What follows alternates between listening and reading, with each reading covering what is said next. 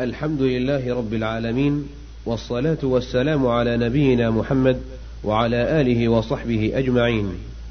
يسر إخوانكم في المكتبة السمعية بوقف السلام الخيري أن يقدموا لكم المجموعة الأولى من سلسلة الدروس العلمية لكبار العلماء، ومن دروس هذه السلسلة المباركة كتاب التوحيد لشيخ الإسلام محمد بن عبد الوهاب رحمه الله. شرح سماحة شيخ العلامة عبد الله بن حميد رحمه الله الشريط السادس والعشرون. ما فرق هؤلاء يزدون رقة عند محكمه ويهلكون عند متشابه. والمتشابه هذا بالنسبة إلى هذا الرجل وأمثاله وإلا فآيات الصفات لا تلحق بالمتشابه بل هي من الحكم. فمثلا قوله جل وعلا بل يداه مبسوطتان هذا من من المحكم ليس من المتشابه. وكلم الله موسى تكليما من المحكم ليس من المتشابه. إن الله سميع بصير من المحكم ليس من المتشابه. إلى غير ذلك. من صفات الذات وصفات الأفعال لا نقول إنها من المتشابه. وإن كان الموفق موفق الدين بن قدامة جعلها من المتشابه في عقيدته المعروفة باللمعة لكنه غير مسلم له بل الصواب أن آيات الصفات كلها من المحكم. لأن معنى المحكم هو المراد حقيقته. فنحن نعتقد أن آيات الصفات حقيقة وأن لله سبحانه وتعالى صفات وصفها وصف به نفسه وصف بها نفسه وصف بها به رسوله صلى الله عليه وسلم. لا نؤول ولا نقول هذا من المتشابه. ولا نفوض لأن إذا قلنا من المتشابه لم نثبت أن الله يتكلم ولم نثبت نقول هذا من المتشابه ولا ندري ولا نقول كما قالت المفوضة نقول نفوض أمرها إلى الله. نعم نفوض المعنى والحقيقة. أما لا شك أن حقيقتها أن لله سمعا وأن له بصرا لكن الكيفية نعم نفوض الكيفية إلى الله. أما الحقيقة فالله لم يخاطبنا إلا بما نفهم من لسان العرب. والقرآن عربي مبين. ليس به لفظ وليس به أنه يخاطبنا بما لا نفهم. لا.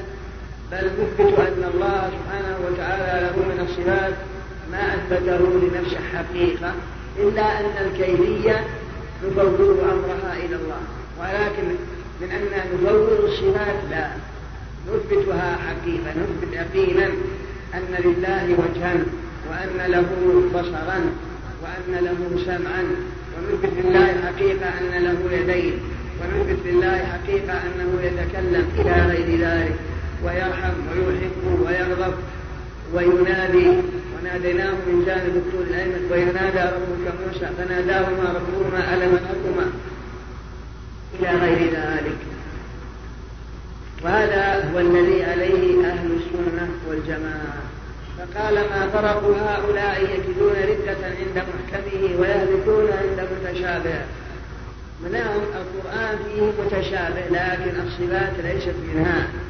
المتشابه كما قال الله سبحانه وتعالى هو الذي أنزل عليك الكتاب منه آيات محكمات وأخر متشابهات. فأما الذين في قلوبهم زيغ فيتبعون أي شك ومرض فيتبعون ما تشابه منه ابتغاء الفتنة وابتغاء تأويله وما يعلم تأويله إلا الله. والراسخون في العلم يقولون آمنا به كل من عند ربنا. واختلف المفسرون هل تقف وما يعلم تأويله إلا الله والراشدون مبتدأ والراشدون في العلم يقولون آمنا بأنهم لا يعلمون. أو أن الموقف الوقوف عند ما يعلم تأويله إلا الله والراشدون في العلم. يعني أن الراشدون يعلمون تأويله أيضا. ومع هذا يقولون كل من عند ربنا. آمنا به كل من عند ربنا. ويقول ابن عباس أنا من الراسخين في العلم. وليس هذا من باب التزكية بل من باب الإخبار بالنعمة التي أنعم الله بها عليه. فقد دعا له رسول الله صلى الله عليه وسلم بقوله اللهم فقهه في الدين وعلمه التأويل. الفقه في الدين وعلمه التأويل هل هي معنى واحد؟ أو الفقه في الدين غير التأويل؟ أو أن التأويل الفقه في الدين إيش معناه؟ هل هو متغاير؟ اللهم فقهه في الدين هذا نوع وعلمه التأويل هذا نوع آخر أو أن معنى وعلمه التأويل ومعنى وفقهه في الدين. نقول لك لا. بل وعلمه التأويل غير ومعنى وفقهه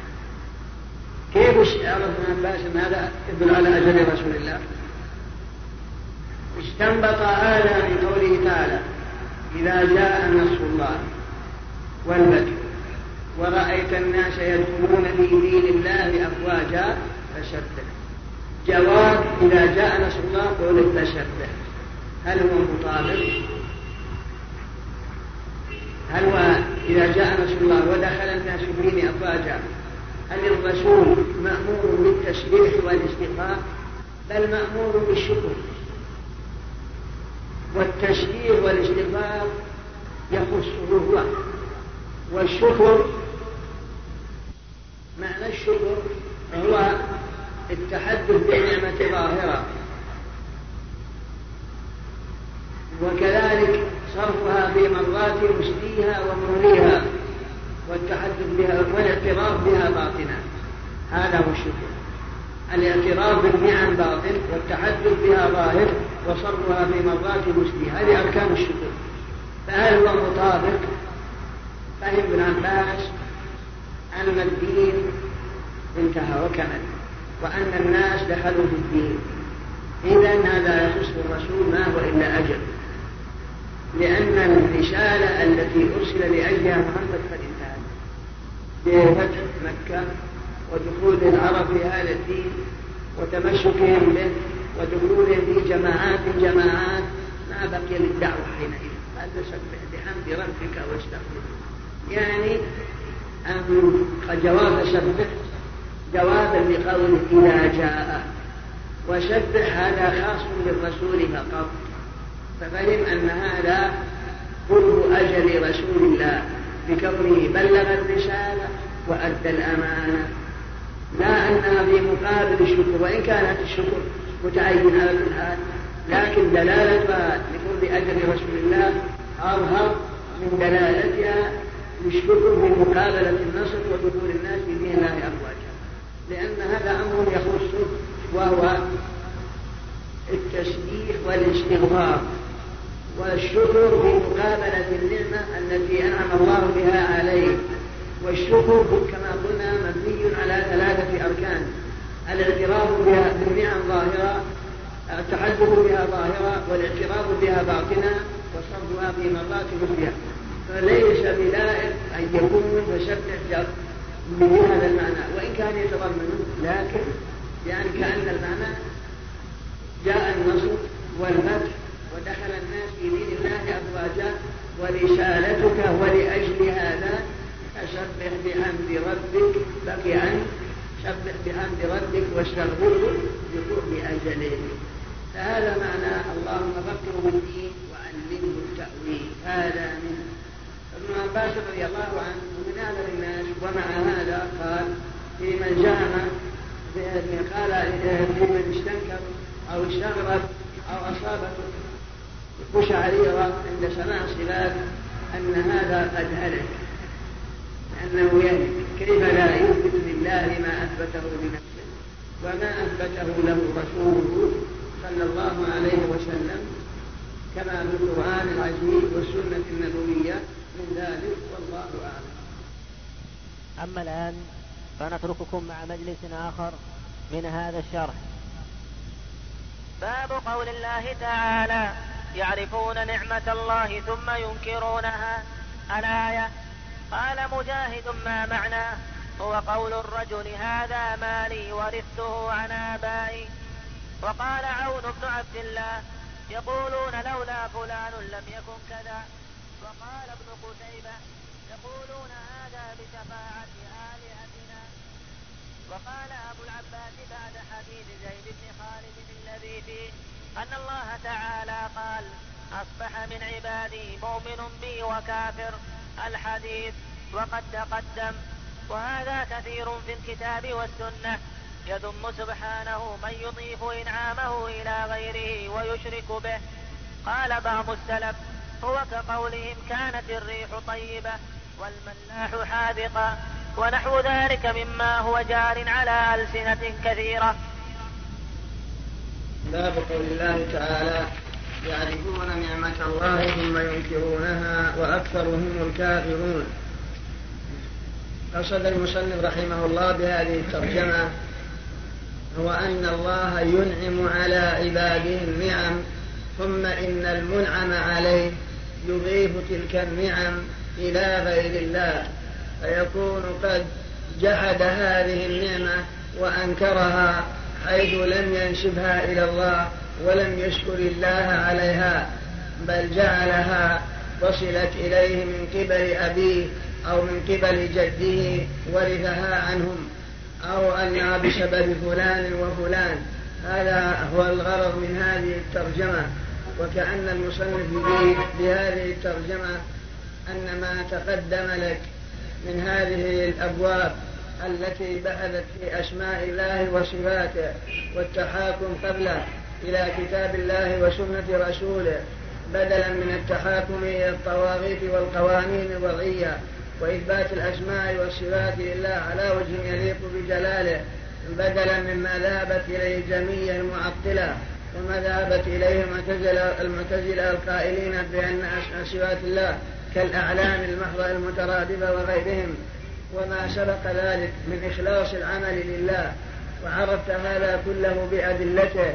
ينبغي أن تشكر هذه النعم وأن تنسبها إلى الله سبحانه وتعالى فهو الذي هيأ لك ويسر لك معرفتها وأعطاك الفهم وأوصلك إلى هذا فاشكر الله عليه فكأن المصنف يريد هذا. وإن كانت الترجمة عامة بالنعم الدينية والنعم العلمية والنعم المالية الدنيوية. فقوله تعالى يعرفون نعمة الله ثم ينكرونها. يقول بعض المفسرين هي بعثة النبي صلى الله عليه وسلم.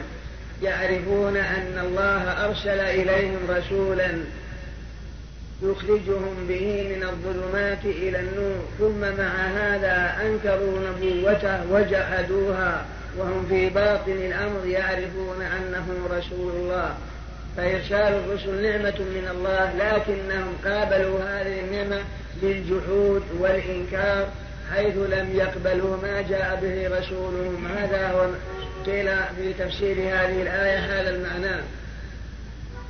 يعرفون نعمة الله ثم ينكرونها وأكثرهم الكافرون. الآية عامة فسرها مجاهد صاحب ابن عباس رضي الله عنه بقول الرجل هذا مالي ورثته عن آبائي. يعني أن الله أنعم عليك بهذا المال وشاقه إليك فأنت أردته إلى أو ورثته من أبيك وجدك. فكان معنى من الذي خوله جدك وأباك ثم من الذي أبقاه في أيديهم حتى الوفاة؟ ومن الذي نقله منهم إليك؟ ألم يكن الله؟ فكيف تنشب هذه النعم إلى أبيك وجدك؟ والله هو الذي أوجدها وشاقها إلى أبيك وجدك ثم نقلها من أبيك وجدك إليك. فكان ينبغي أن تقابل هذا بالشكر.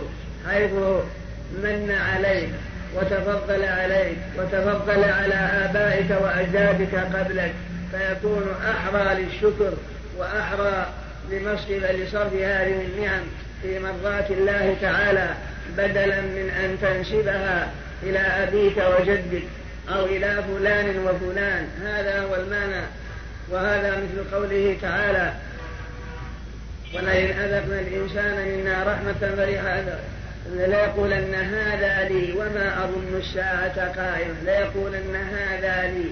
يعني أنا محقوق به. الله إذا أنعم على عبد النعمة قال الإنسان هذا بعملي هذا لي يعني بعملي وأنا جدير به. أو تقول هذا بفضل ذكائي وبفضل معرفتي بوجوه المكاسب كما لو كنت تبيع وتشتري. ثم هيأ الله لك رزقا بسبب بيعك وشرائك ثم تقول أنت هذا بسبب معرفتي للبيع والشراء وبسبب معرفتي بوجوه المكاسب وأني ذكي وأني أفهم وأعرف المستقبل وما ينبغي شراؤه وما لا ينبغي. ثم تضيف النعم إليك فكأنه لم يكن لك ربا منعما. ثم على سبيل التنزل أن هذا من ذكاء من الذي أعطاك الذكاء ومن الذي عرفك بوجوه المكاسب هذا مع أن الله هو الذي ساقه إليك. الله هو الذي ساقه إليك وقدره لك. فينبغي أن تشكر الله على تلك النعم. فإن هذه النعم إما بلوى تصاب بها أو أنها تكون خير خيرا لك أو تكون إجرا عليك. كما في قوله تعالى ونبلوهم بالحسنات والسيئات. أي نختبرهم بما نسدي إليهم من حسنات الدنيا. هل يشكرونها؟ هل يصبونها في مرضات الله؟ كما نبلوهم بالسيئات هل يصبرون بالمصائب والبلايا؟ هل يصبرون على ما حل بهم؟ فالمؤمن إن أعطي نعمة شكر وإن أصابته ضراء صبر. قال مجاهد هذا الرجل هذا هذا ورثت هذا مالي ورثته عن آبائي. هذا معنى يعرفون نعمة الله ثم ينكرونها أي بإضافتها إلى غير المنعم المتفضل. يقابل هذا إنكار الشكر. فأما قلت هذا القول فأنت لم تشكر الله. فالشكر مبني على ثلاثة أركان. قد تقول ما هي ثلاثة الأركان؟ بالشكر. فتنطبق على قول الرجل هذا مالي ورثته عن آبائي نقول لك لا. الشكر ينبني على ثلاثة أركان. أولا الاعتراف بالنعم ظاهرا الأول التحدث بالنعم ظاهرا الثاني الاعتراف بها باطنا الثالث صرفها في مرات مسديها وموليها. هذا هو الشكر أولا التحدث بالنعم ظاهرة يعني لسانك ينطلق بأن هذه النعم من الله. فتتكلم بهذا وتعرف أنه ليس من حداقتك ولا من معرفتك بوجوه المكاسب بل تتحدث بأن هذا من الله. وتعترف في قلبك حقيقة أن المنعم المتفضل الذي ساقه إليك هو الله. فاللسان يطابق ما في القلب. والثالث أن هذه النعم تستعين بها على طاعة الله وتصرفها في مرضاته. فإن استعنت بها على معصية الله أو صرفتها في غير أو صرفتها في سخط الله لم تكن شاكرا. كما لو تحدثت بهذه النعم أنها بسبب عملك أو بسبب فلان أو بسبب فلان. لم تكن شاكرا. وقال عون بن عبد الله وقولهم لولا فلان لم يكن كذا وكذا. تقول لولا فلان أشركني في هذه المساهمة ما حصل لي قروش مكسب هذا أو تقول لولا فلان أشار علي أشتري هذه الأرض ولزم عليك ما حصلت شيء. طيب ما بمعنى من لا يشكر الناس لا يشكر الله لكن اشكر الله. الله هو الذي أمره وهيأ له بأي شيء عليه. ثم أيضا الرب هو الذي رتب الأسباب حتى حصل لك هذا المكسب مثلا. بأمثلته فكيف تنسب النعم إلى هذا الشخص الذي أشار عليك وقال لك اشترى بل المنعم المتفضل هو الله. وهذا لا ينبغي أن تنسى فضله بل لا لأنه سبب فتشكره لكن ليس هو الكل. هذا معنى قول عون بن عبد الله لولا فلان لم يكن كذا أي لولا وجود فلان أو لم يكن فلان لما حصل لي هذه النعمة ولما شيقت إلي لكنها جاءتني من أجل فلان أو بفلان. الذي أشار إليك أو أشركك أو ما أشبه ذلك. وقال ابن قتيبة وقولهم هذا بشفاعة آلهتنا؟ كالمشركين. عندما تنمو أموالهم أو يرتفع عنهم ضرب قالوا هذا بشفاعة آلهتنا أي بأصنامهم ومعبودين. ولم يعلموا أنهم هم وأصنامهم في جهنم جميعا. قل قل إنكم وما تعبدون من دون الله حصب جهنم أنتم لها واردون. العابد والمعبود ما عدا الملائكة والصلحاء. استثناهم الله قال إن الذين سبقت لهم منا الحسنى أولئك عنها مبعدون كما هو معلوم وقال أبو العباس بعد حديث زيد بن خالد السابق يذم سبحانه جاء في الكتاب يذم سبحانه من يضيف إنعامه إلى غيره ويشرك به. وهو الحديث السابق وهو أن النبي صلى الله عليه وسلم لما فرغ من صلاة الصبح وكان بالحديبية على إثر مطر كان من الليل. قال صلى الله عليه وسلم لأصحابه أتدرون ماذا قال ربكم؟ قالوا الله ورسوله أعلم. قال الرسول قال الله أصبح من عبادي مؤمن بي وكافر. أما من قال مطرنا بفضل الله ورحمته فذلك مؤمن بي وكافر بالكوكب. وأما من قال مطرنا بنوء كذا وكذا فذلك كافر مؤمن بالكوكب. حيث أضاف النعمة إلى الكوكب. يقول هل إن الآن في نوء المقدم وتهطل فيه أمطار أو يجيب الأمطار أو ما أشبه ذلك. أو مثلا في نوء الرشا تكثر فيه الأمطار أو ترى المؤخر أو ما أشبه ذلك. فهذا إضافة النعم إلى النجوم وإضافة الأمطار إلى النجوم. هذا من باب إضافة النعم إلى غير الله. وإن كان الله سبحانه وتعالى رتب الأشياء وجعل لها مواقيت على حسب ما تقتضي حكمته وإرادته وتارة لا يأتي شيء وتارة يأتي في غير وقته. لأن الأمر بيده والمتصرف في خلقه وهو الذي إذا قال للشيء كن فيكون. إنما أمرنا إذا أر... إنما أمره إذا أراد شيئا أن يقول له كن فيكون. وقال بعض السلف وكقولهم كانت الريح طيبة وكان الملاح حارقا ونحو ذلك مما هو جار على ألسنة كثير مثله يعني يضيفون سلامتهم إلى الريح إذا ركبوا البحر. يضيفونها إلى الريح. والذي يسيركم في البر والبحر حتى إذا كنتم في الفلك وجرين بهم بريح طيبة وفرحوا بها. جاءتها ريح عاصف وجاءهم الموج من كل مكان. وظنوا أنهم أحيط بهم. دعوا الله مخلصين له الدين.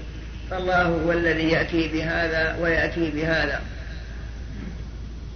فلا ينبغي أن تنسب جريان السفينة إلى شائشها وشائقها أو إلى الريح بل ينسبها إلى الله. مثال سائق السيارة مثلا أنت راكب سيارة وحصل بعض الاصطدام ولكن الله سلم. والله سوقنا جيد شاطر. هو الذي أنقذنا وهو الذي فعلنا. قال بالسيارة كذا. يا أخي اشكر الله. قلنا ما في مانع أنك تقول السيارة لكن مو بسبب ولا نوع لكن الذي أوجد هذا كله هو الله سبحانه وتعالى. فهو الذي هيأ لك وحفظك ونجاك بما حصل. لا أن سائق السيارة لمهارته ولمعرفته فعل كذا ثم أيضا من الذي علمه؟ ومن الذي أدرى بهذا؟ لولا العناية من الله لم يستطع لا هو ولا غيره. فلا ينبغي أن تضيف نجاتك وسلامتك إلى السائق بل أضفها إلى الله سبحانه وتعالى. مثل قول كانت الريح طيبة وكان الملاح حاذقا ونحو ذلك مما هو جار على ألسنة كثير. نعم. والله أعلم. أما الآن فنترككم مع مجلس آخر من هذا الشرح.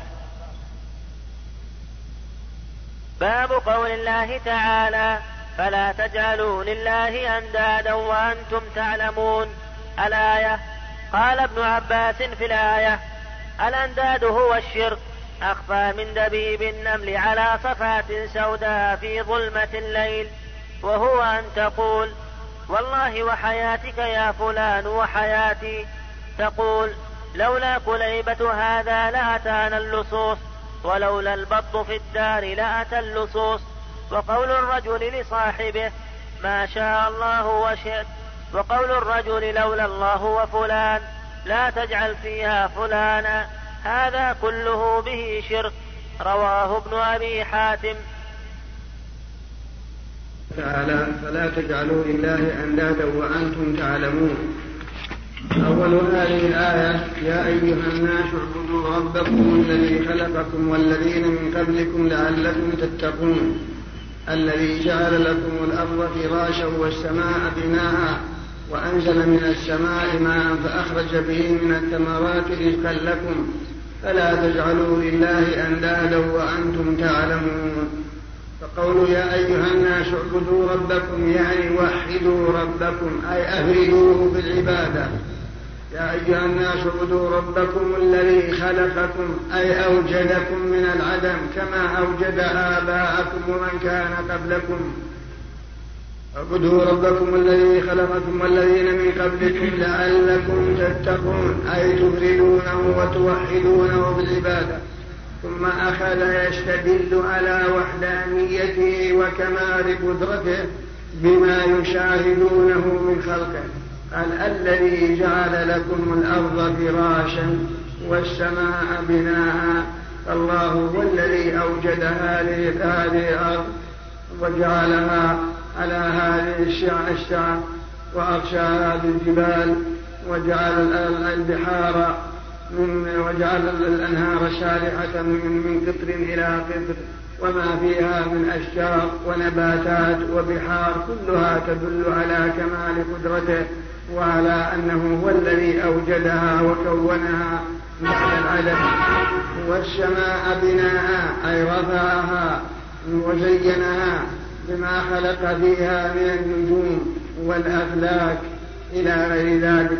وأنزل من السماء ماء فأخرج به من الثمرات رزقا لكم.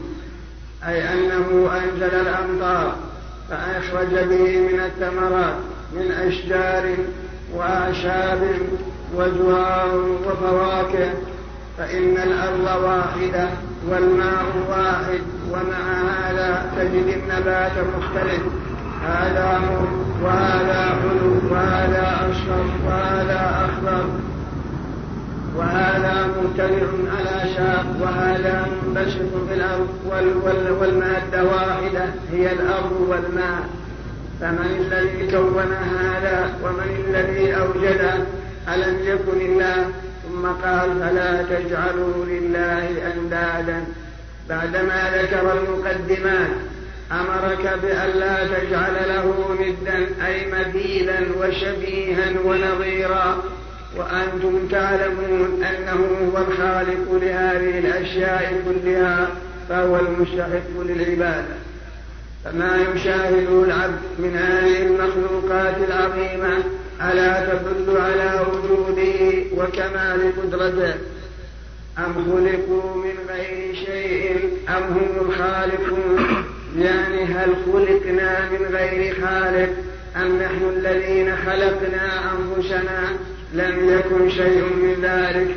إذا يتعين أن لهذا الخلق خالقا خلقهم. وموجدا أوجدهم.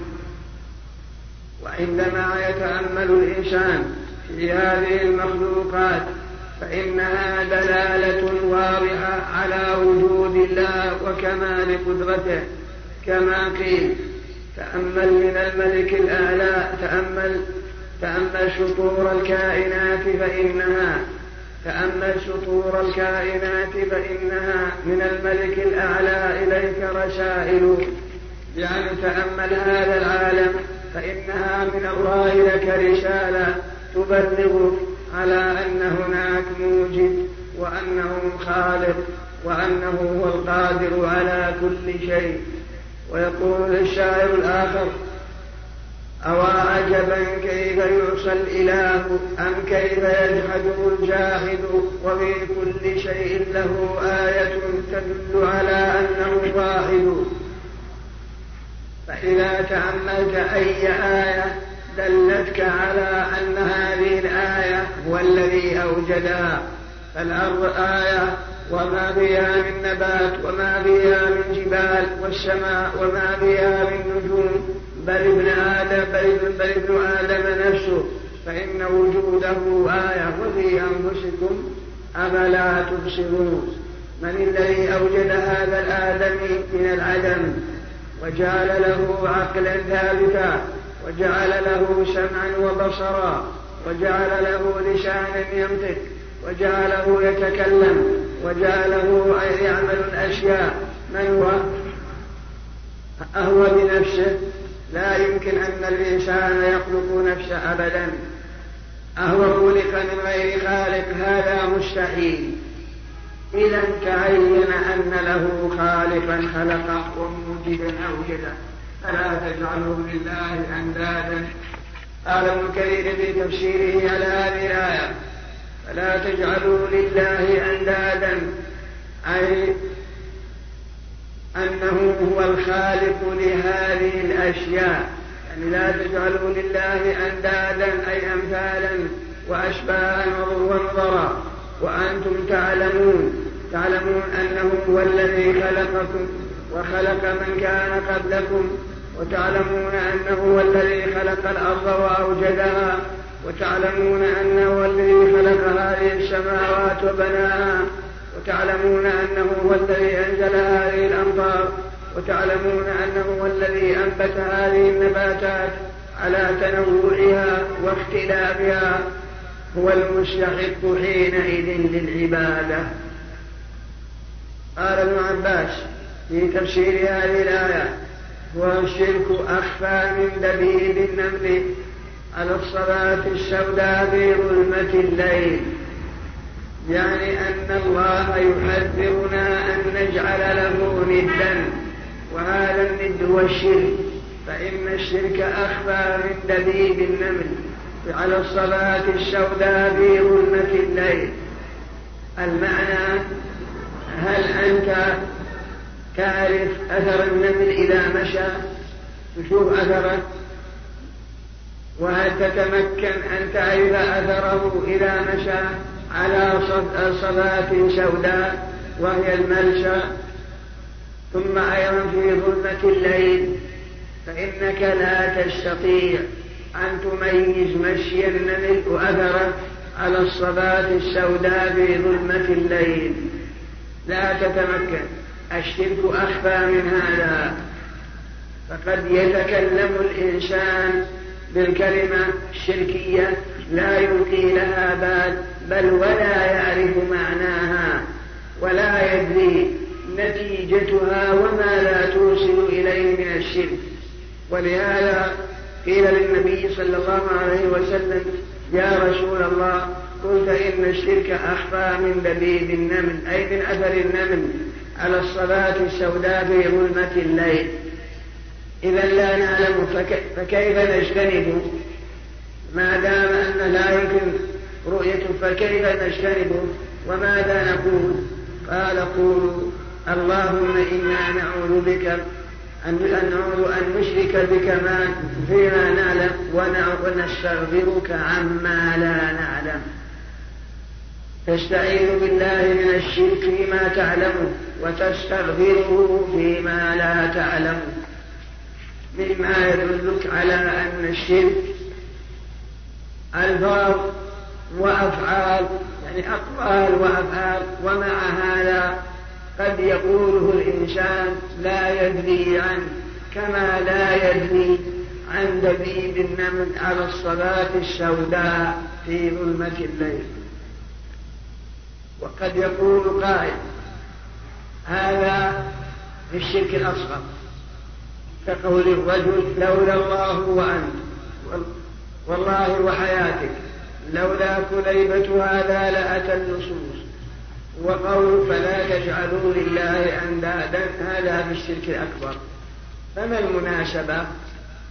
لأن كلام ابن عباس فسر الآية بالشرك الأصغر والآية نزلت في الشرك الأكبر. نقول لك نعم بهذا نظائر في القرآن فكثيرا مما ينهى الله عنه وهو الشرك الأكبر. ولكنه يتناول الشرك الأصغر. نقول لك السلف يستدلون على النهي عن الشرك الأصغر بالآيات التي نزلت في الشرك الأكبر بجامع أن الجميع شرك. الشرك الأكبر ينافي التوحيد بالكلية والشرك الأصغر ينافي كماله الواجب. لما اقترنا بالشرك واجتمعا جاز تفسير الآية التي نزلت في الشرك الأكبر بما يقع من الإنسان من الشرك الأصغر من الشرك الأصغر. كما قال ابن عباس رضي الله عنه.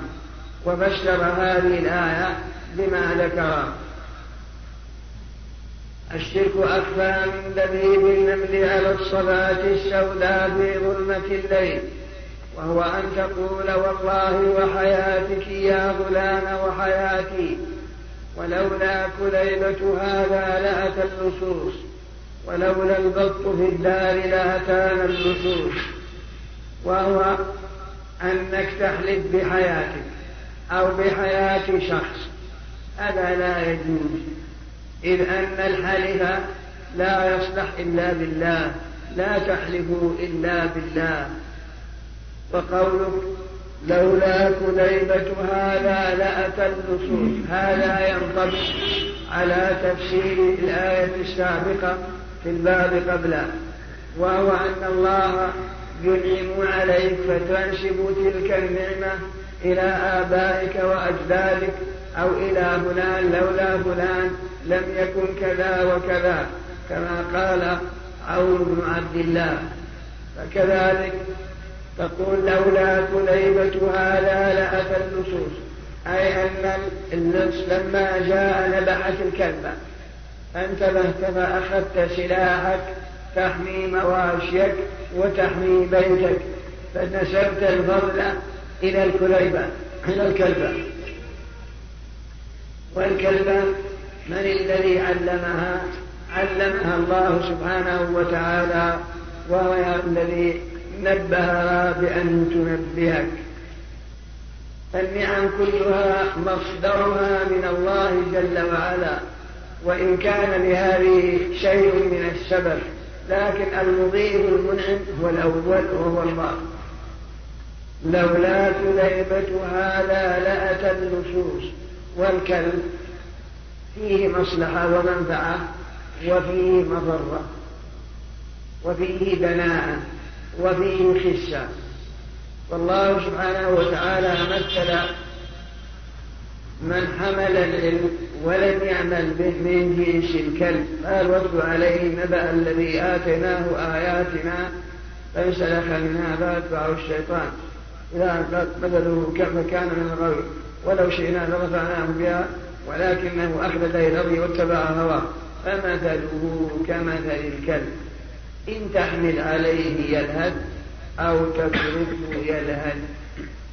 فمن صفاته القبيحة أن الله شبه من تحمل العلم ولكن انسلخ منها واتبع هواه واتبع شهوات الدنيا مثله بالكلب.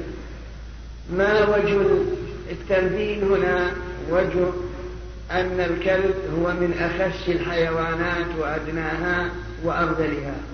منها أن لا يوجد في الحيوانات من إذا تقيأ عاد يأكل قيئة إلا الكلب.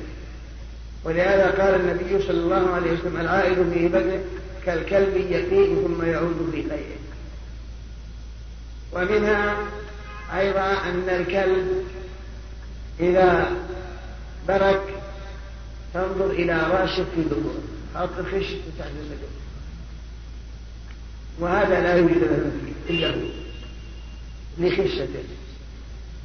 ومنها شر... نهاية الشره فإنك لو ألقيت عليه لو حجرا ذهب يعض يظن أنه شيء. من شدة الشرف ومنها أنه دائما ينظر إلى الأرض. يتطلب إلا أن لي هذه المصلحة التي نقلها ابن عباس رضي الله عنه وهو أن ربما حمى أهله إذا جاء رجل غريب أو أحس بغرابة شخص أو ربما هو يفترس من أراد أن يأخذ مال أهله من غنم ونحو ذلك. وإذا وقع شيء منه نسبوا النعمة إليه. وحفظ الغنم والمواشي إليه. قالوا لولا فهانا لهذا اللصوص ولولا البط في الدار لأتى اللصوص وهو طائر يجعله الناس في بيوتهم. فإذا دخل البيت رجل غريب صوته. ينبئهم بأنه دخل غريب. حتى يكبر سارق نصف أو غير نصف ثم هم يضيفون النعمة إليه. وهذا من الشرك الأصغر. وقول الرجل لصاحبه لولا الله وأنت أو لولا الله وفلان. قال لا تجعل فيها فلانا هذا كله بالله شرك. هذا كله أي بالله شرك. لأن الرب هو المنعم المتفضل وأنت تنسب النعم إلى غيره متناسيا المنعم المتفضل فهو الذي أوجد هذه الأسباب وهو الذي ربط الأسباب بمسبباتها فينبغي أن تشكر الله سبحانه وتعالى وأن لا تشرك معه غيره في نعمه. هذا هو معنى قول ابن عباس والله أعلم. أما الآن فنترككم مع مجلس آخر من هذا الشرح. وعن عمر بن الخطاب رضي الله عنه أن رسول الله صلى الله عليه وسلم قال من حلف بغير الله فقد كفر أو أشرك. رواه الترمذي وحسنه وصححه الحاكم.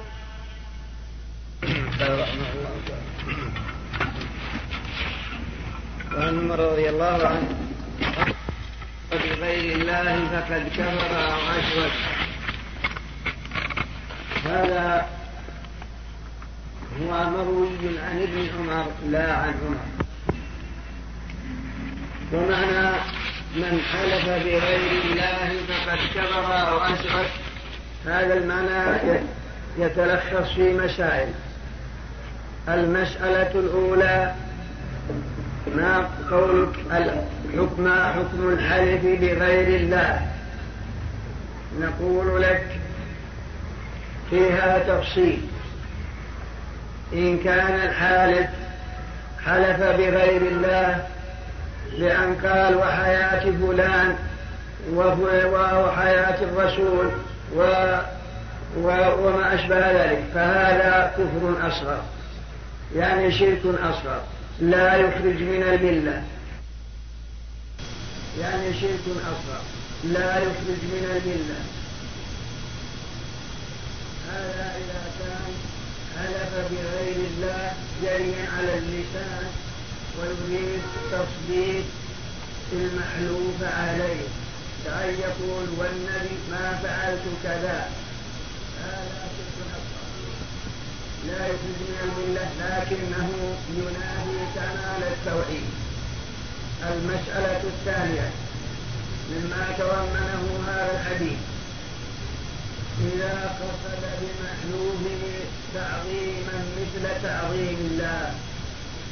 فهذا يصل إلى حد الشرك الأكبر. ينقل من الملة. يستتاب فإن تاب وإلا قتل كأن يقول مثلا وعلي وعظمة علي بن أبي طالب لن أفعل كذا. طيب ماذا تريد؟ قال أريد عظمة علي لأنه في رتبة الله. فهذا لا شك أنه شرك أكبر.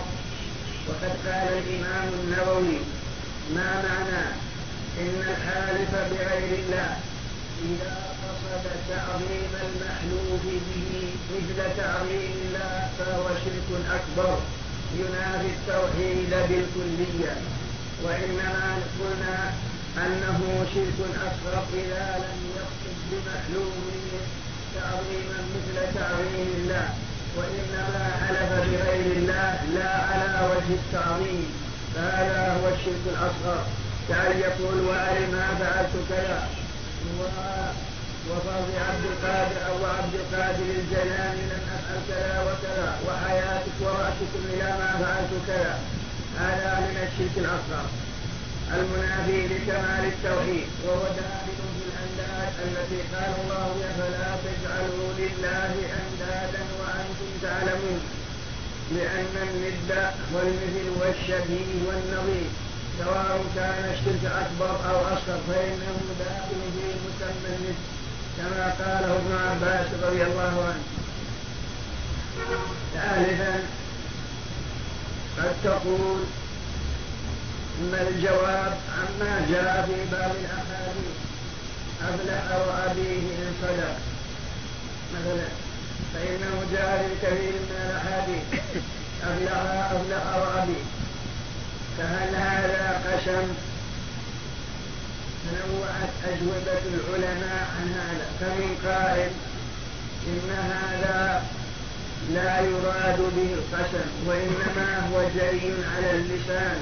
كانت العرب تعتاد. فلو أراد القسم هذا لا يجوز. وما دام أنه لم يرد القسم ولم يخطر بباله فلا شيء به لكن هذا لا يصح. ثانيا قال بعضهم إنما المراد التأكيد أبلح وأبيه من باب التأكيد لا من باب القسم. وكذلك الذي قبله. والقول الصحيح أبلح وأبيه وما أشبه ذلك. هذا إن أراد هذا لا يجوز بكل حال. وما كان وما كان يقال قبل فهو جائز لكنه أخيرا نسخ وجاءت الأحاديث بالنهي عن الحلف بغير الله مهما كانت الحالة. كما في حديث ابن عمر الآتي في الباب بعده وهو النبي صلى الله عليه وسلم مر بركب وفيهم عمر كانوا يحلفون بآبائهم جريا على عادتهم قال الرسول لا تحلفوا بآبائكم. فليحلف بالله أو ليصمت.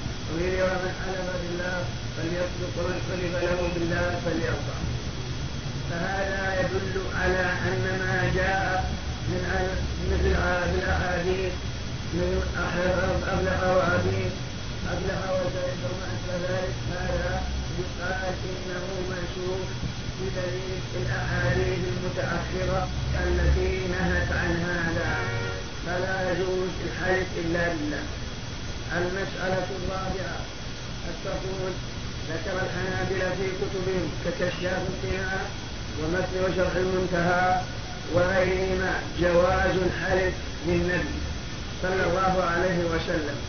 فإنهم ذكروا في كتاب الأيمان كما سيأتي أن الحلف لا يجوز إلا بالله أو بصفة من صفاته إلا أنه يجوز الحلف بالنبي ويرون في ذلك حديثا عن النبي صلى الله عليه وسلم وهو المشهور من مذهب أحمد. نقول لك صحيح هذا مروي منسوب للإمام أحمد.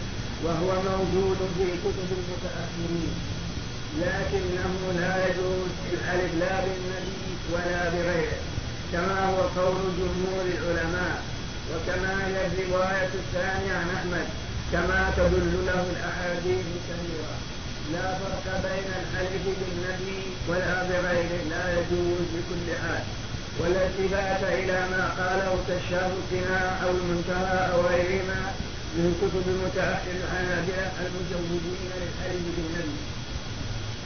فإن الحق أحق أن يتبع والدليل هو الواجب اتخاذه واعتماده كيف وفي هذا الحديث التعليم من حلف بغير الله فقد كفر أو أشرك. لا تحلفوا إلا بالله. وكما في قول مسعود لأن أحلف بالله كاذبا أحب إلي من أن أحلف بغيره صادقا. كل هذا به نعرف أن الحلف بالنبي أو بغيره لا يجوز بكل حال وإنما الحلف لا يكون إلا بالله. المسألة الخامسة قد تقول الرب سبحانه وتعالى أقسم بمخلوقاته في القرآن.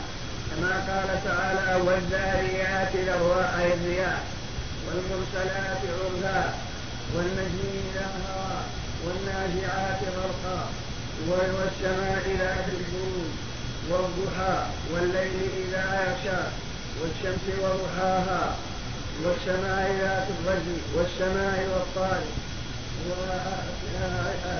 كثير مما حلف الله سبحانه وتعالى لمخلوق شيء من مخلوقاته فهل أليس في هذا دليل على جواز الحلف بالله؟ نقول لك لا. فإن الله لا حجر عليه. بل يحلف بما شاء من خلقه يعرفنا تعظيم هذا المخلوق المخلوق من قبل الله كالرياح والنجوم والشمس والليل والنهار. فإنها آيات من آيات الله.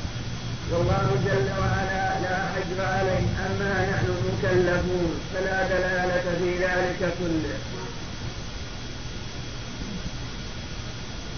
هذا كله مستفاد من حديث من حلف بغير الله فقد كفر أو أشرك لكن عندما ترى كثير من أخوان عباد القبور عندما تقول له احلف بالله فإنه يبادر لو أردت أن يحلف لك خمسين يمينا لم يتوقف. فلو قلت له احلف بمعبود بعبد القادر أو بمشهد أبي حنيفة أو بمشهد علي رضي الله عنه فإنه لا يمكن أن يحلف أبدا ظنا من أنه يشوه وأنه يوقع عليه الشر والبلاء في ماله وبدنه وأهله ويعظم هذا المخلوق بحيث لا يحلف به وهو كاذب أعظم من تحليف من حلفه بالله. لما وقر في قلبه من الشرك بالله من تعظيم محلوله. كذلك أيضا إذا جرى على الإنسان على لسان الإنسان شيئا من هذا من غير قصد فينبغي أن يجدد توحيده. فقد قال النبي صلى الله عليه وسلم من حلف باللات والعزى فليقل لا إله إلا الله لأنها هي كلمة التوحيد. من قال من حلف باللات والعزى فليقل لا إله إلا الله لأن لا إله إلا الله تبطل وتنهي الحلف باللات والعزى لأنها الحلف باللات والعزى تعظيما لها. فإذا قلت لا إله إلا الله أثبتت العظمة والألوهية له وحده لا شريك له دون من سواه. من حلف بغير الله فقد كفر أو أشرك. كل هذا يدل على أن الحلف بالله بغير الله من نبي أو ملك أو مشهد أو رجل صالح أو بحياة الإنسان أو بالأب أو غير ذلك كله من الشرك الأصغر. إلا إذا وقر في قلب الحارث تعظيم محبوبه مثل تعظيم الله فإنه يصل إلى الشرك الأكبر. والله أعلم. نعم قال لا تحلفوا بآبائكم مما يدل على أنها جرت العادة أنهم يحلفون بآبائهم. فهم جرت العادة على هذا ونهاهم أخيرا أما الآن فنترككم مع مجلس آخر من هذا الشرح. وقال ابن مسعود لا نحلف بالله كاذبا أحب إلي من أن أحلف بغيره صادقا. وعن حذيفة رضي الله عنه أن رسول الله صلى الله عليه وسلم قال لا تقولوا ما شاء الله وشاء فلان لكن قولوا ما شاء الله ثم شاء فلان. رواه أبو داود بسند صحيح. وجاء عن إبراهيم النخعي أنه يكره أعوذ بالله وبك ويجوز أن يقول بالله ثم بك. قال ويقول لولا الله ثم فلان. ولا تقولوا لولا الله وفلان. وقال ابن رضي الله عنه لا أحلف بالله كاذبا. أحب إلي من أن أحلف بغيره صادق الحلف بالله كاذبا واليمين الغموس التي تغمس صاحبها بالنار. وهي من الكبائر وهو أنك تحلف بالله كاذبا متعمدا ذلك فهذه هي اليمين الغموس التي تغمس صاحبها بالنار ولهذا ليس لها كفارة. لأن جرم هذه اليمين كاذبة أعظم وأكبر من أن تكفرها من أن تكفرها الكفارة. إنما على الإنسان أن يتوب ويستغفر. لأن أمرها عظيم. وقد جاء في حديث سلمان أن رسول الله صلى الله عليه وسلم قال ثلاثة لا يكلمهم الله يوم القيامة ولا يزكيهم ولا ينظر إليهم ولهم عذاب أليم. رجل جعل ذكر منهم رجل جعل الله بضاعته لا يشتري إلا بيمينه ولا يبيع إلا بيمينه. دائما يحلف وهو يعلم أنه كاذب.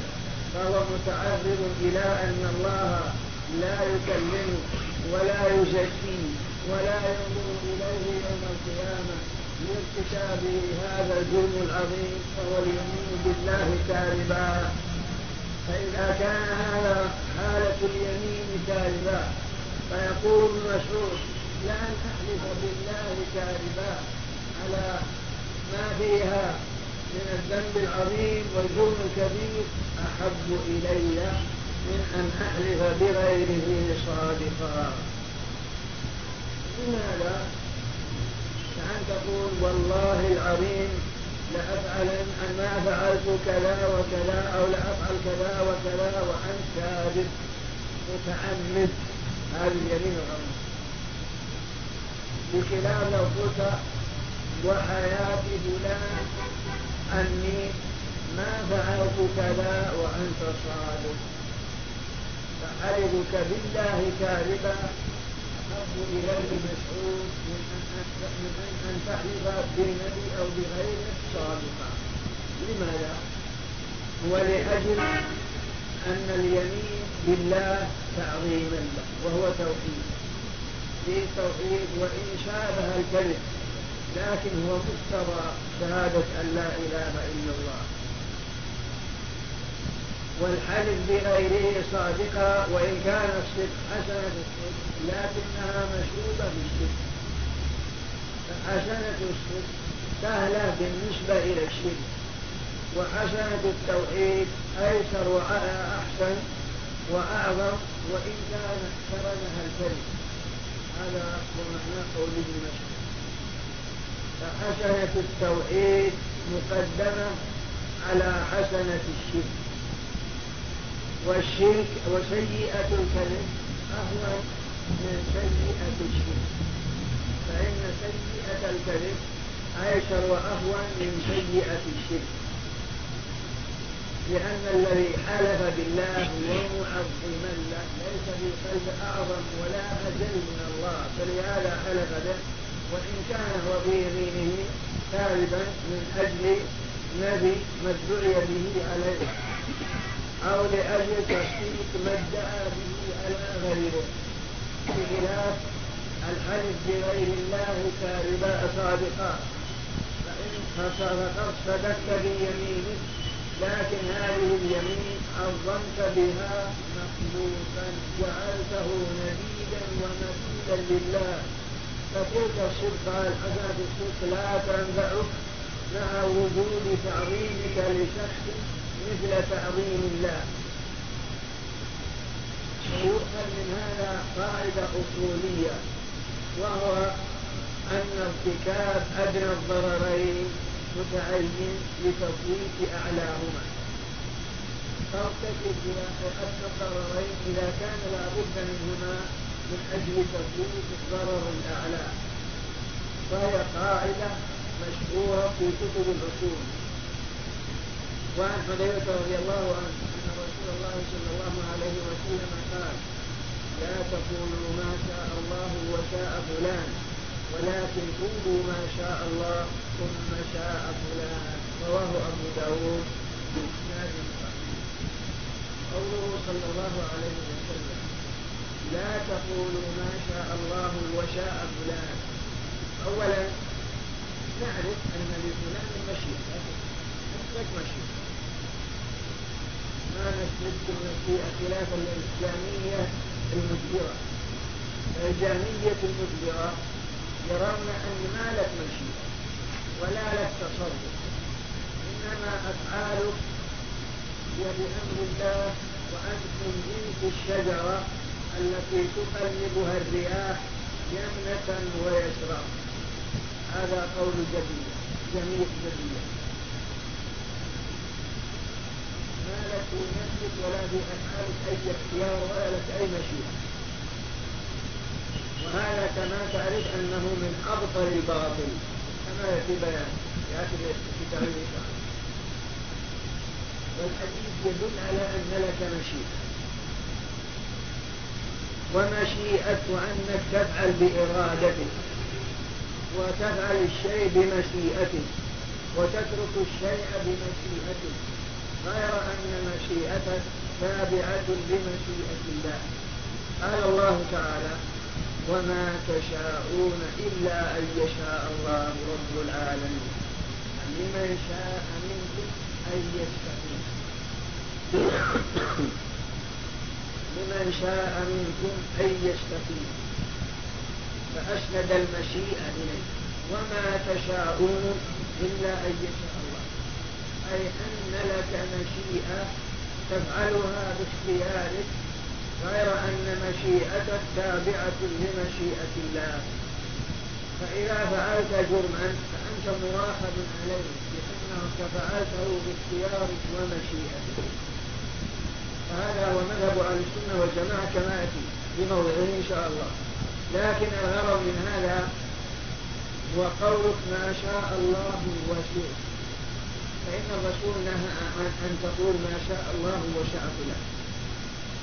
وإن كان لفلان المشيئة كما قلنا وكما دل عليه القرآن لكن النهي هو لأجل الواو.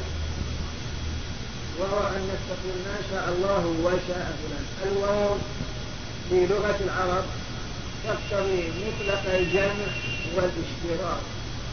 فكأن مشيئتك من جنس مشيئة الله. فإذا قلت ما شاء الله وشئت يعني بمجيئك الواو كأن مشيئتك مثل مشيئة الله لأن الواو تقتضي مطلق الجمع بين المشيئتين وتقتضي الاشتراك بين المشيئتين. لما كانت الواو تفيد هذا المعنى نهى الرسول صلى الله عليه وسلم كل ذلك من أجل حمايه التوحيد. قولوا ما شاء الله ثم شاء فلان. لأن ثم لا تقتضي الجمع والاشتراك. تقتضي التوحيد والتأكيد فمشيئتك متأخرة عن مشيئة الله. وليست مثل مشيئة الله. وإن كانت لك مشيئة لكنها تابعة لمشيئة الله ولم تكن مشتركة ومطلقة جمعا بين مشيئتك ومشيئة الله. فبهذا نعرف أن حتى الألفاظ ينبغي التحرز منها إذا كانت تمت إلى نقص بالتوحيد بأن تكون صادحة في توحيد الأب أو منفسة لثواب التوحيد. فينبغي الابتعاد عن مثل هذا بأن تقول ما شاء الله ثم شاء فلان الله ثم ما حصل كذا وكذا. فتقول لولا الله ثم أنت كانت أدخل كذا أو ضربني السلطان أو فعل بالأمر كذا وكذا. هذا لأن الرب جل وعلا هو الذي قدر ذلك. وهذا سبب من الأسباب. الله هو الذي أوجد هذا السبب وجعله سببا لوقايته. فلا ينبغي أن تنسى فضله. من لا يشكر الناس لا يشكر إلا أنك لا تجعله في اللفظ في رتبة الله. بل قل لولا الله ثم أنت لحصل كذا وكذا. بخلاف قولك لولا الله وانت لولا الله وأنت الواو اشترك مطلق الجمع والاشتراك أشركت. هذا الشخص مع الله. فلا بد من ثم المستوية للتأكيد هذا معنى حديث حذيفة وهو أن رسول الله صلى الله عليه وسلم قال لا تقولوا ما شاء الله وشاء فلان ولكن قولوا ما شاء الله وما شاء فلان. وعمل سلف الأمة وعلى هذا جاء عن إبراهيم النخعي صاحب بن مسعود رضي الله عنه أنه كان يكره أن يقول بالله وبه. ويجوز أن يقول بالله ثم به. يقول أنا عائل بالله وبك. أو أنا بالله وبك. جئت بالواو المقتضية لمساواة الثاني للأول. فالقل لله ثم به. المقتضية أن الثاني غير مساو للأول بل متأخر عنه. وليس هو في رتبته. لهذا تعرف عظمة التوحيد. وأن وهذا كله ومن ومن مقتضى شهادة أن لا إله إلا الله. قال وكان يجوز أن يقول لولا الله ثم فلان. وينهى عن قولك لولا الله وفلان. عملا بحديث حذيفة وحديث قتيلة. الآتي بيان في الباب الذي بعد هذا الباب. وحديث أبي الطفيل أخي عائشة لأمها كما سيأتي في باب قول ما شاء الله وشئت والله أعلم. أما الآن فنترككم مع مجلس آخر من هذا الشرح. باب ما جاء في من لم يقنع بالحلف بالله. عن ابن عمر أن رسول الله صلى الله عليه وسلم قال لا تحلفوا بآبائكم. من حلف بالله فليصدق ومن حلف له بالله فليرضى ومن لم يرضى فليس من الله. رواه ابن ماجه بسند حسن. أن يقنع بالله. أي ما يترتب على ذلك من الوعيد. فإن من حلف بالله عليه أن يصدق ومن حلف له بالله عليه أن يرضى وينقاد ويسلم لأن من حلف له بالله ولن يرضى يدل على نقص نقص إيمان في قلبه.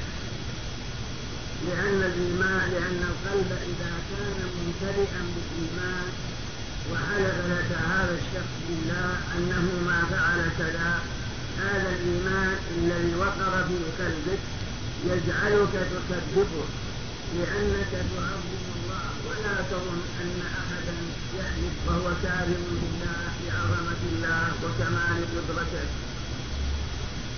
هذا حديث ابن عمر رضي الله عنه. أن النبي صلى الله عليه وسلم قال لا تحلفوا بآبائكم من حلف بالله فليصدق ومن حلف له بالله فليرضى ومن لم يرضى فليس من الله. رواه ابن ماجه بإسناد حسن. هذا حديث جاءه عن النبي صلى الله عليه وسلم مر بركب يحلفون بآبائهم يقول وأبي ما فعلت كذا وأبي أن تفعل كذا. فقال لهم الرسول صلى الله عليه وسلم لا تحلفوا بآبائكم. إن جنس ما تقدم من حلف بغير الله فقد كفر أو أشرك. وكما جاء عن ابن مسعود لا أن أحلف بالله كاذبا أحب إلي من أن أحلف بغيره صادقا. وتقدم أن الحلف بغير الله شرك أصغر. ينافي كمال التوحيد سواء حلف بالنبي أو بالأب أو بغير ذلك. وأن ما في كتب المتأخر الحنابلة من جوازهم من تجويدهم الحلف بالنبي أنه غير صحيح وأنه لا دليل عليه. وتقدم أن الحلف بغير الله شرك أصغر. ينافي كمال التوحيد سواء حلف بالنبي أو بالأب أو بغير ذلك. وأن ما في كتب متأخر الحنابلة من جوازهم من تجويزهم الحلف بالنبي أنه غير صحيح وأنه لا دليل عليه وأن الإمام أحمد لم يقل بهذا القول كما قرره جمع من المحققين كابن تيمية وغيره. وأما إذا كان الحالف بغير الله عظم محلوفه مثل تعظيم الله فإنه يصل إلى حد الشرك الأكبر كما سبق بيانه. لا تحلفوا بآبائكم أي ولا بغير آبائكم من سائر المخلوقين. من حلف بالله فليصدق هذا يدل على وجوب الصدق في معاملاته وفيما يقول دائما فالله سبحانه وتعالى حث على الصدق ورغب به ومدح أهله. قال تعالى يا أيها الذين آمنوا اتقوا الله وكونوا مع الصادقين. وفي الحديث إن الصدق يهدي إلى البر والبر يهدي إلى الجنة كما أن الكذب يهدي إلى الفجور والفجور يهدي إلى النار. فيحرم على الإنسان أن يكذب مطلقا سواء اقترن بذلك يمين أو لم يقترن. فإن اقترن مع كلبه مع كلبه يمين فهو أشد وأعظم. وهي اليمين وهي اليمين الغموس التي تابس صاحبها في النار كما أنه يجب عليه أن يصدق. في جميع أموره وإن لم تقترن بها يمين فإذا اقترنت بها يمين كان أوجب. فلا يجوز لأحد أن يحلف بالله وهو كاذب. لكن مهما أمكن أن تدفع عن نفسك اليمين ولو كنت صادقا فهو المتعين ولا تجعلوا الله عرضة لأيمانكم. بل يقول الله واحفظوا أيمانكم. وبشر قوله واحفظوا أيمانكم على وجهين. المعنى واحفظوا أيمانكم أي لا تبذلوا اليمين في كل شيء ودائما والله والله وبالله وما أشبه ذلك. بل احتفظ باليمين ووكل الله سبحانه وتعالى. وليكن الله في قلبك أجل وأعظم من أن تجعله عرضة للأيمان دائما. بل قال واحفظوا أيمانكم من الابتلاء. والقول الثاني واحفظوا أيمانكم إذا قدرت فيكم بالتشديد فمعنى احفظوا أيمانكم أي لا تتركها بلا تشديد بل إذا حلفت وحلفت فعليك أن تكفر. هذا حفظ اليمين. وقد قال النبي صلى الله عليه وسلم من حلف على يمين صبر يعني وهو كاذب لقي يقتطع بها مال امرئ مسلم لقي الله وهو عليه غضبان. قالوا يا رسول الله وإن كان شيئا يسيرا قال وإن كان قريبا من أراك.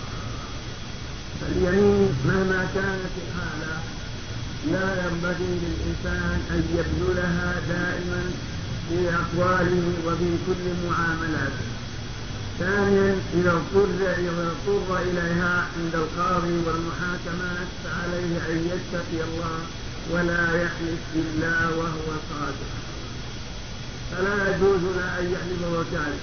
فمتى حلف وهو كاذب حري أن يلقى الله وهو عليه غضبان. لأنه بيمينه الفاجرة الكاذبة يقتطع بها مال امرئ مسلم وهذا هو الظلم بعينه. كما في الحديث من ظلم قيد شبر من الأرض طوقه الله إياه يوم القيامة من سبع أراضين.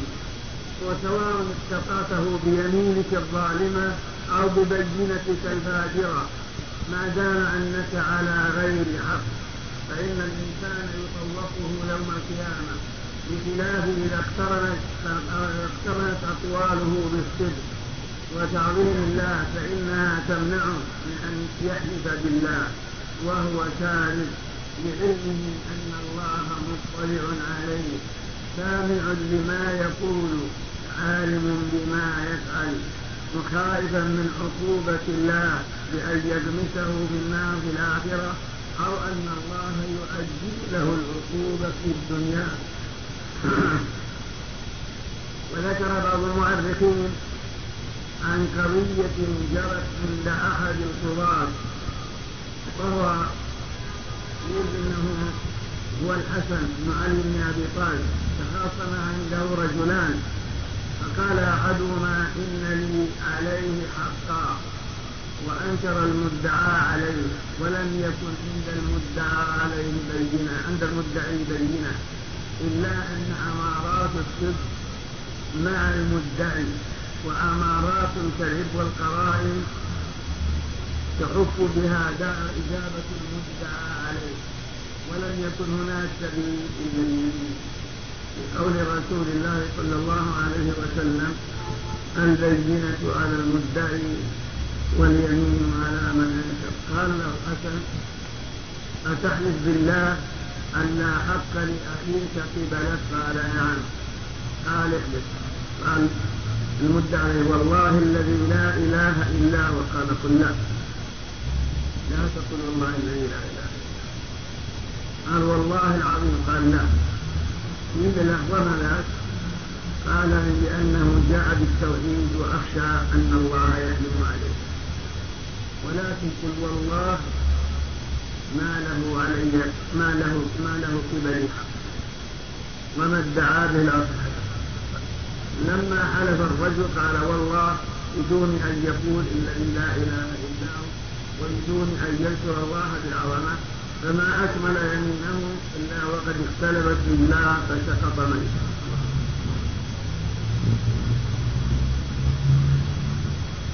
من حلف بالله فليصدق ويتحرى الصدق ومن حلف له بالله فليرضى. ومن لم يرضى فليس من الله. ويقول الشاعر يحدث عن المصنف يعني عن الشيخ محمد أن هذا في الدعاوي والدعاوي جمع دعوة كفتاوي يجمع على فتوى. ويجوز الدعوة لكن هذا هو الأشهر من حلف بالله فليصدق ومن حلف له بالله فليصدق يعني ينقاد ولا يكون في قلبه شيء ولا سيما في الخصومات. إذا لم يكن عند المدعي بينة فليس له سوى اليمين على حق. في قول النبي صلى الله عليه وسلم البينة على المدعي واليمين على من أنكر البينة اسم لما بين الحق الظهر سواء كان بشاهدين أو شاهد ويمين أو شاهد وامرأتين أو غير ذلك. مما يبين الحق ويوضع. فالبينة أعم من البينة المصطلحة عند الفقهاء. وكما جاء في البخاري عن عيسى بن مريم عليه السلام أنه لما رأى رجلا يسلك فحلف له أنه لم يسلك قال آمنت بالله صدقتك وكذبت عيني وذلك لأن عيسى يتصور أنه ليس أحد يحلف بالله لعظمة الله في قلبه. وهذا هو الذي صوره من قلبه. يعني لعظمة الله في قلبه فيستبعد أن أحدا يحلف وهو كافر مع أنه رأى بعينه لكن اتهم العين قال آمنت بالله صدقتك وكذبت عيني لأن بعيد كل البعد وكل البعد أن الإنسان يحلف وهو كاذب فاجر في يمينه. وكما تقدم في الحديث المعروف من اقتطع مالا بإذن مسلم هو فيها فاجر لقي الله وهو عليه غضبان الله أعلم. أما الآن فنترككم مع مجلس آخر من هذا الشرح. باب قول ما شاء الله وشد عن قتيلة أن يهوديا أتى للنبي صلى الله عليه وسلم فقال إنكم تشركون. تقولون ما شاء الله وشد وتقولون والكعبة. فأمرهم النبي صلى الله عليه وسلم إذا أرادوا أن يحلفوا أن يقولوا ورب الكعبة وأن يقولوا ما شاء الله ثم شئت. رواه النسائي وصححه. وله أيضا عن ابن عباس أن رجلا قال للنبي صلى الله عليه وسلم ما شاء الله وجهت فقال أجعلتني لله ندا. ما شاء الله وحده.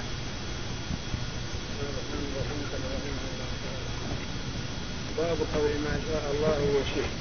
أي من النهي عن ذلك. عن قتيلة الجهالية أن يهوديا أتى النبي صلى الله عليه وسلم فقال إنكم تشركون. تقولون ما شاء الله وشئت وتقولون والكعبة فأمرهم النبي صلى الله عليه وسلم إذا أرادوا أن يحلوا أن يقولوا ورب الكعبة ويقولوا ما شاء الله ثم شئت.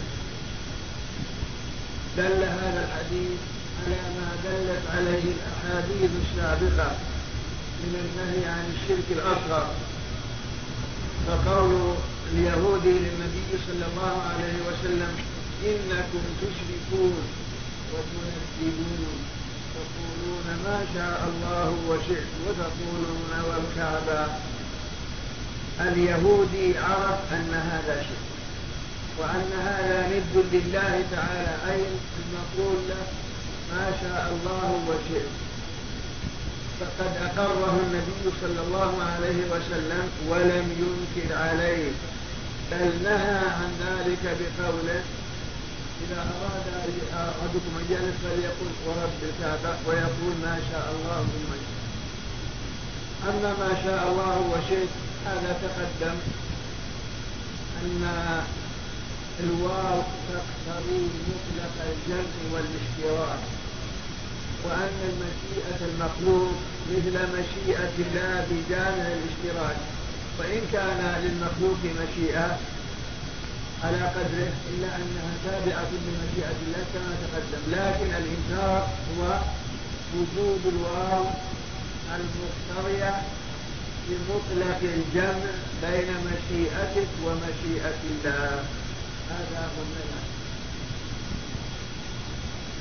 أما ظنك بمن قال أنا تائب إلى الله وإليك أو تائب وأنا أرجو الله وأرجوك مع هذا أشد وأكثر ثانيا قول الرسول كل ما شاء الله وكل ما شئت قد تقول إذا قال ما شاء الله ثم شئت أن أيضا ما بعد ثم مثبتة لمطلق الاشتراك في المشيئة بينه وبين الله نقول نعم لكن ثم تقتضي التأخير مع كونها تقتضي التأخير التأخير فمشيئة الله مقدمة على مشيئته. كما تقول جاء زيد ثم عمرو. فهذا الكلام يقتضي تأخر مجيء عمرو عن مجيء زيد. وسابق مجيء زيد وسابق مجيء زيد على مجيء عمرو. بخلاف قلت قام زيد وعمرو. فيقتضي مطلق القيام جميعا. أو قلت مثلا أكل زيد ثم عمرو. يفهم هذا أن أكل عمرو متأخر بعد أكل زيد؟ وأن أكل زيد سابق لأكل عمرو. أكل زيد ثم عمرو. فإن ثم تقتضي التأخير والتقدير بخلاف لو قلت أكل زيد وعمرو فيقتضي أنهم أكلا جميعا واشتركا في الأكل لهذا تعرف أن إذا قلت ما شاء الله وشئت اشترك في مطلق المشيئة.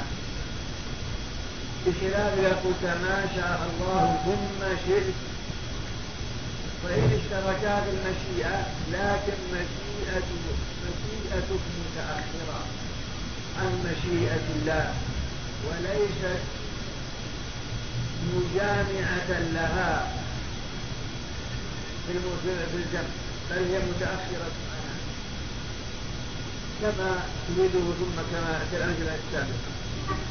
وكذلك والكعبة تقدم أن الحلف بغير الله شرك وأنه لا يجوز الحلف إلا بالله.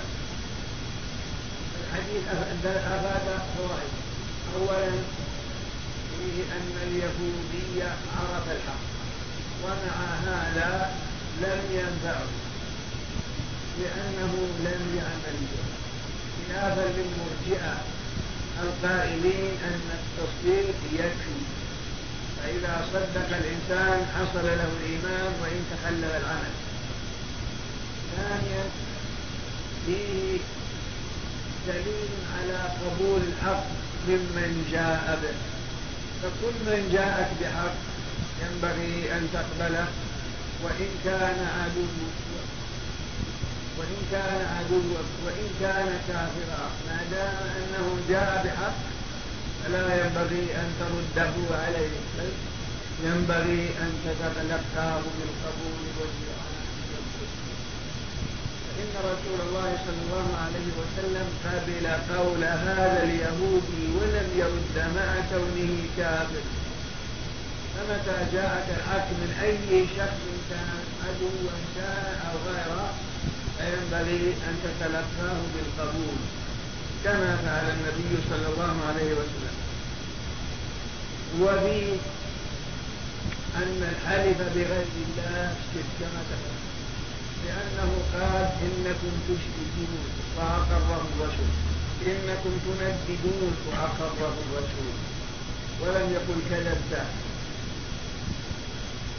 وفي أيضا أن الحق متى علمت ينبغي أن تقبله وأن تأمر به. فإن الرسول صلى الله عليه وسلم نهاهم أن يحلفوا بغير الله ونهاهم أن يقولوا ما شاء الله وشئت. وأمرهم أن يقولوا ورب الكعبة وأن يقولوا ما شاء الله ثم شئت. ولم يكن عنده شيء من الأنفة في رد الحق مع أن الذي جاء به يهودي عدو كافر بل تلقاه بالقبول والتسليم واعتبر وأمر بالنهي عنه. وهو قل ما شاء الله وشئت وقول والكعبة وللنسائي أيضا حديث ابن عباس رضي الله عنه أن رجلا قال للنبي صلى الله عليه وسلم ما شاء الله وشئت قال أجعل السمين كاهنا بل ما شاء الله وحده. انظر إلى حماة رسول التوحيد بل وحماه لحمى التوحيد. فإنه أنكر عليه أشد إنكار لما قال لما شاء الله وشئت لا شك أن للرسول مشيئة. وختاما تقبلوا تحيات إخوانكم في وقف السلام الخيري. رقم الهاتف هو اثنان صفر تسعة صفر اثنان صفر تسعة. رقم الناسوخ هو اثنان صفر تسعة اثنان صفر تسعة اثنان. والسلام عليكم ورحمة الله وبركاته.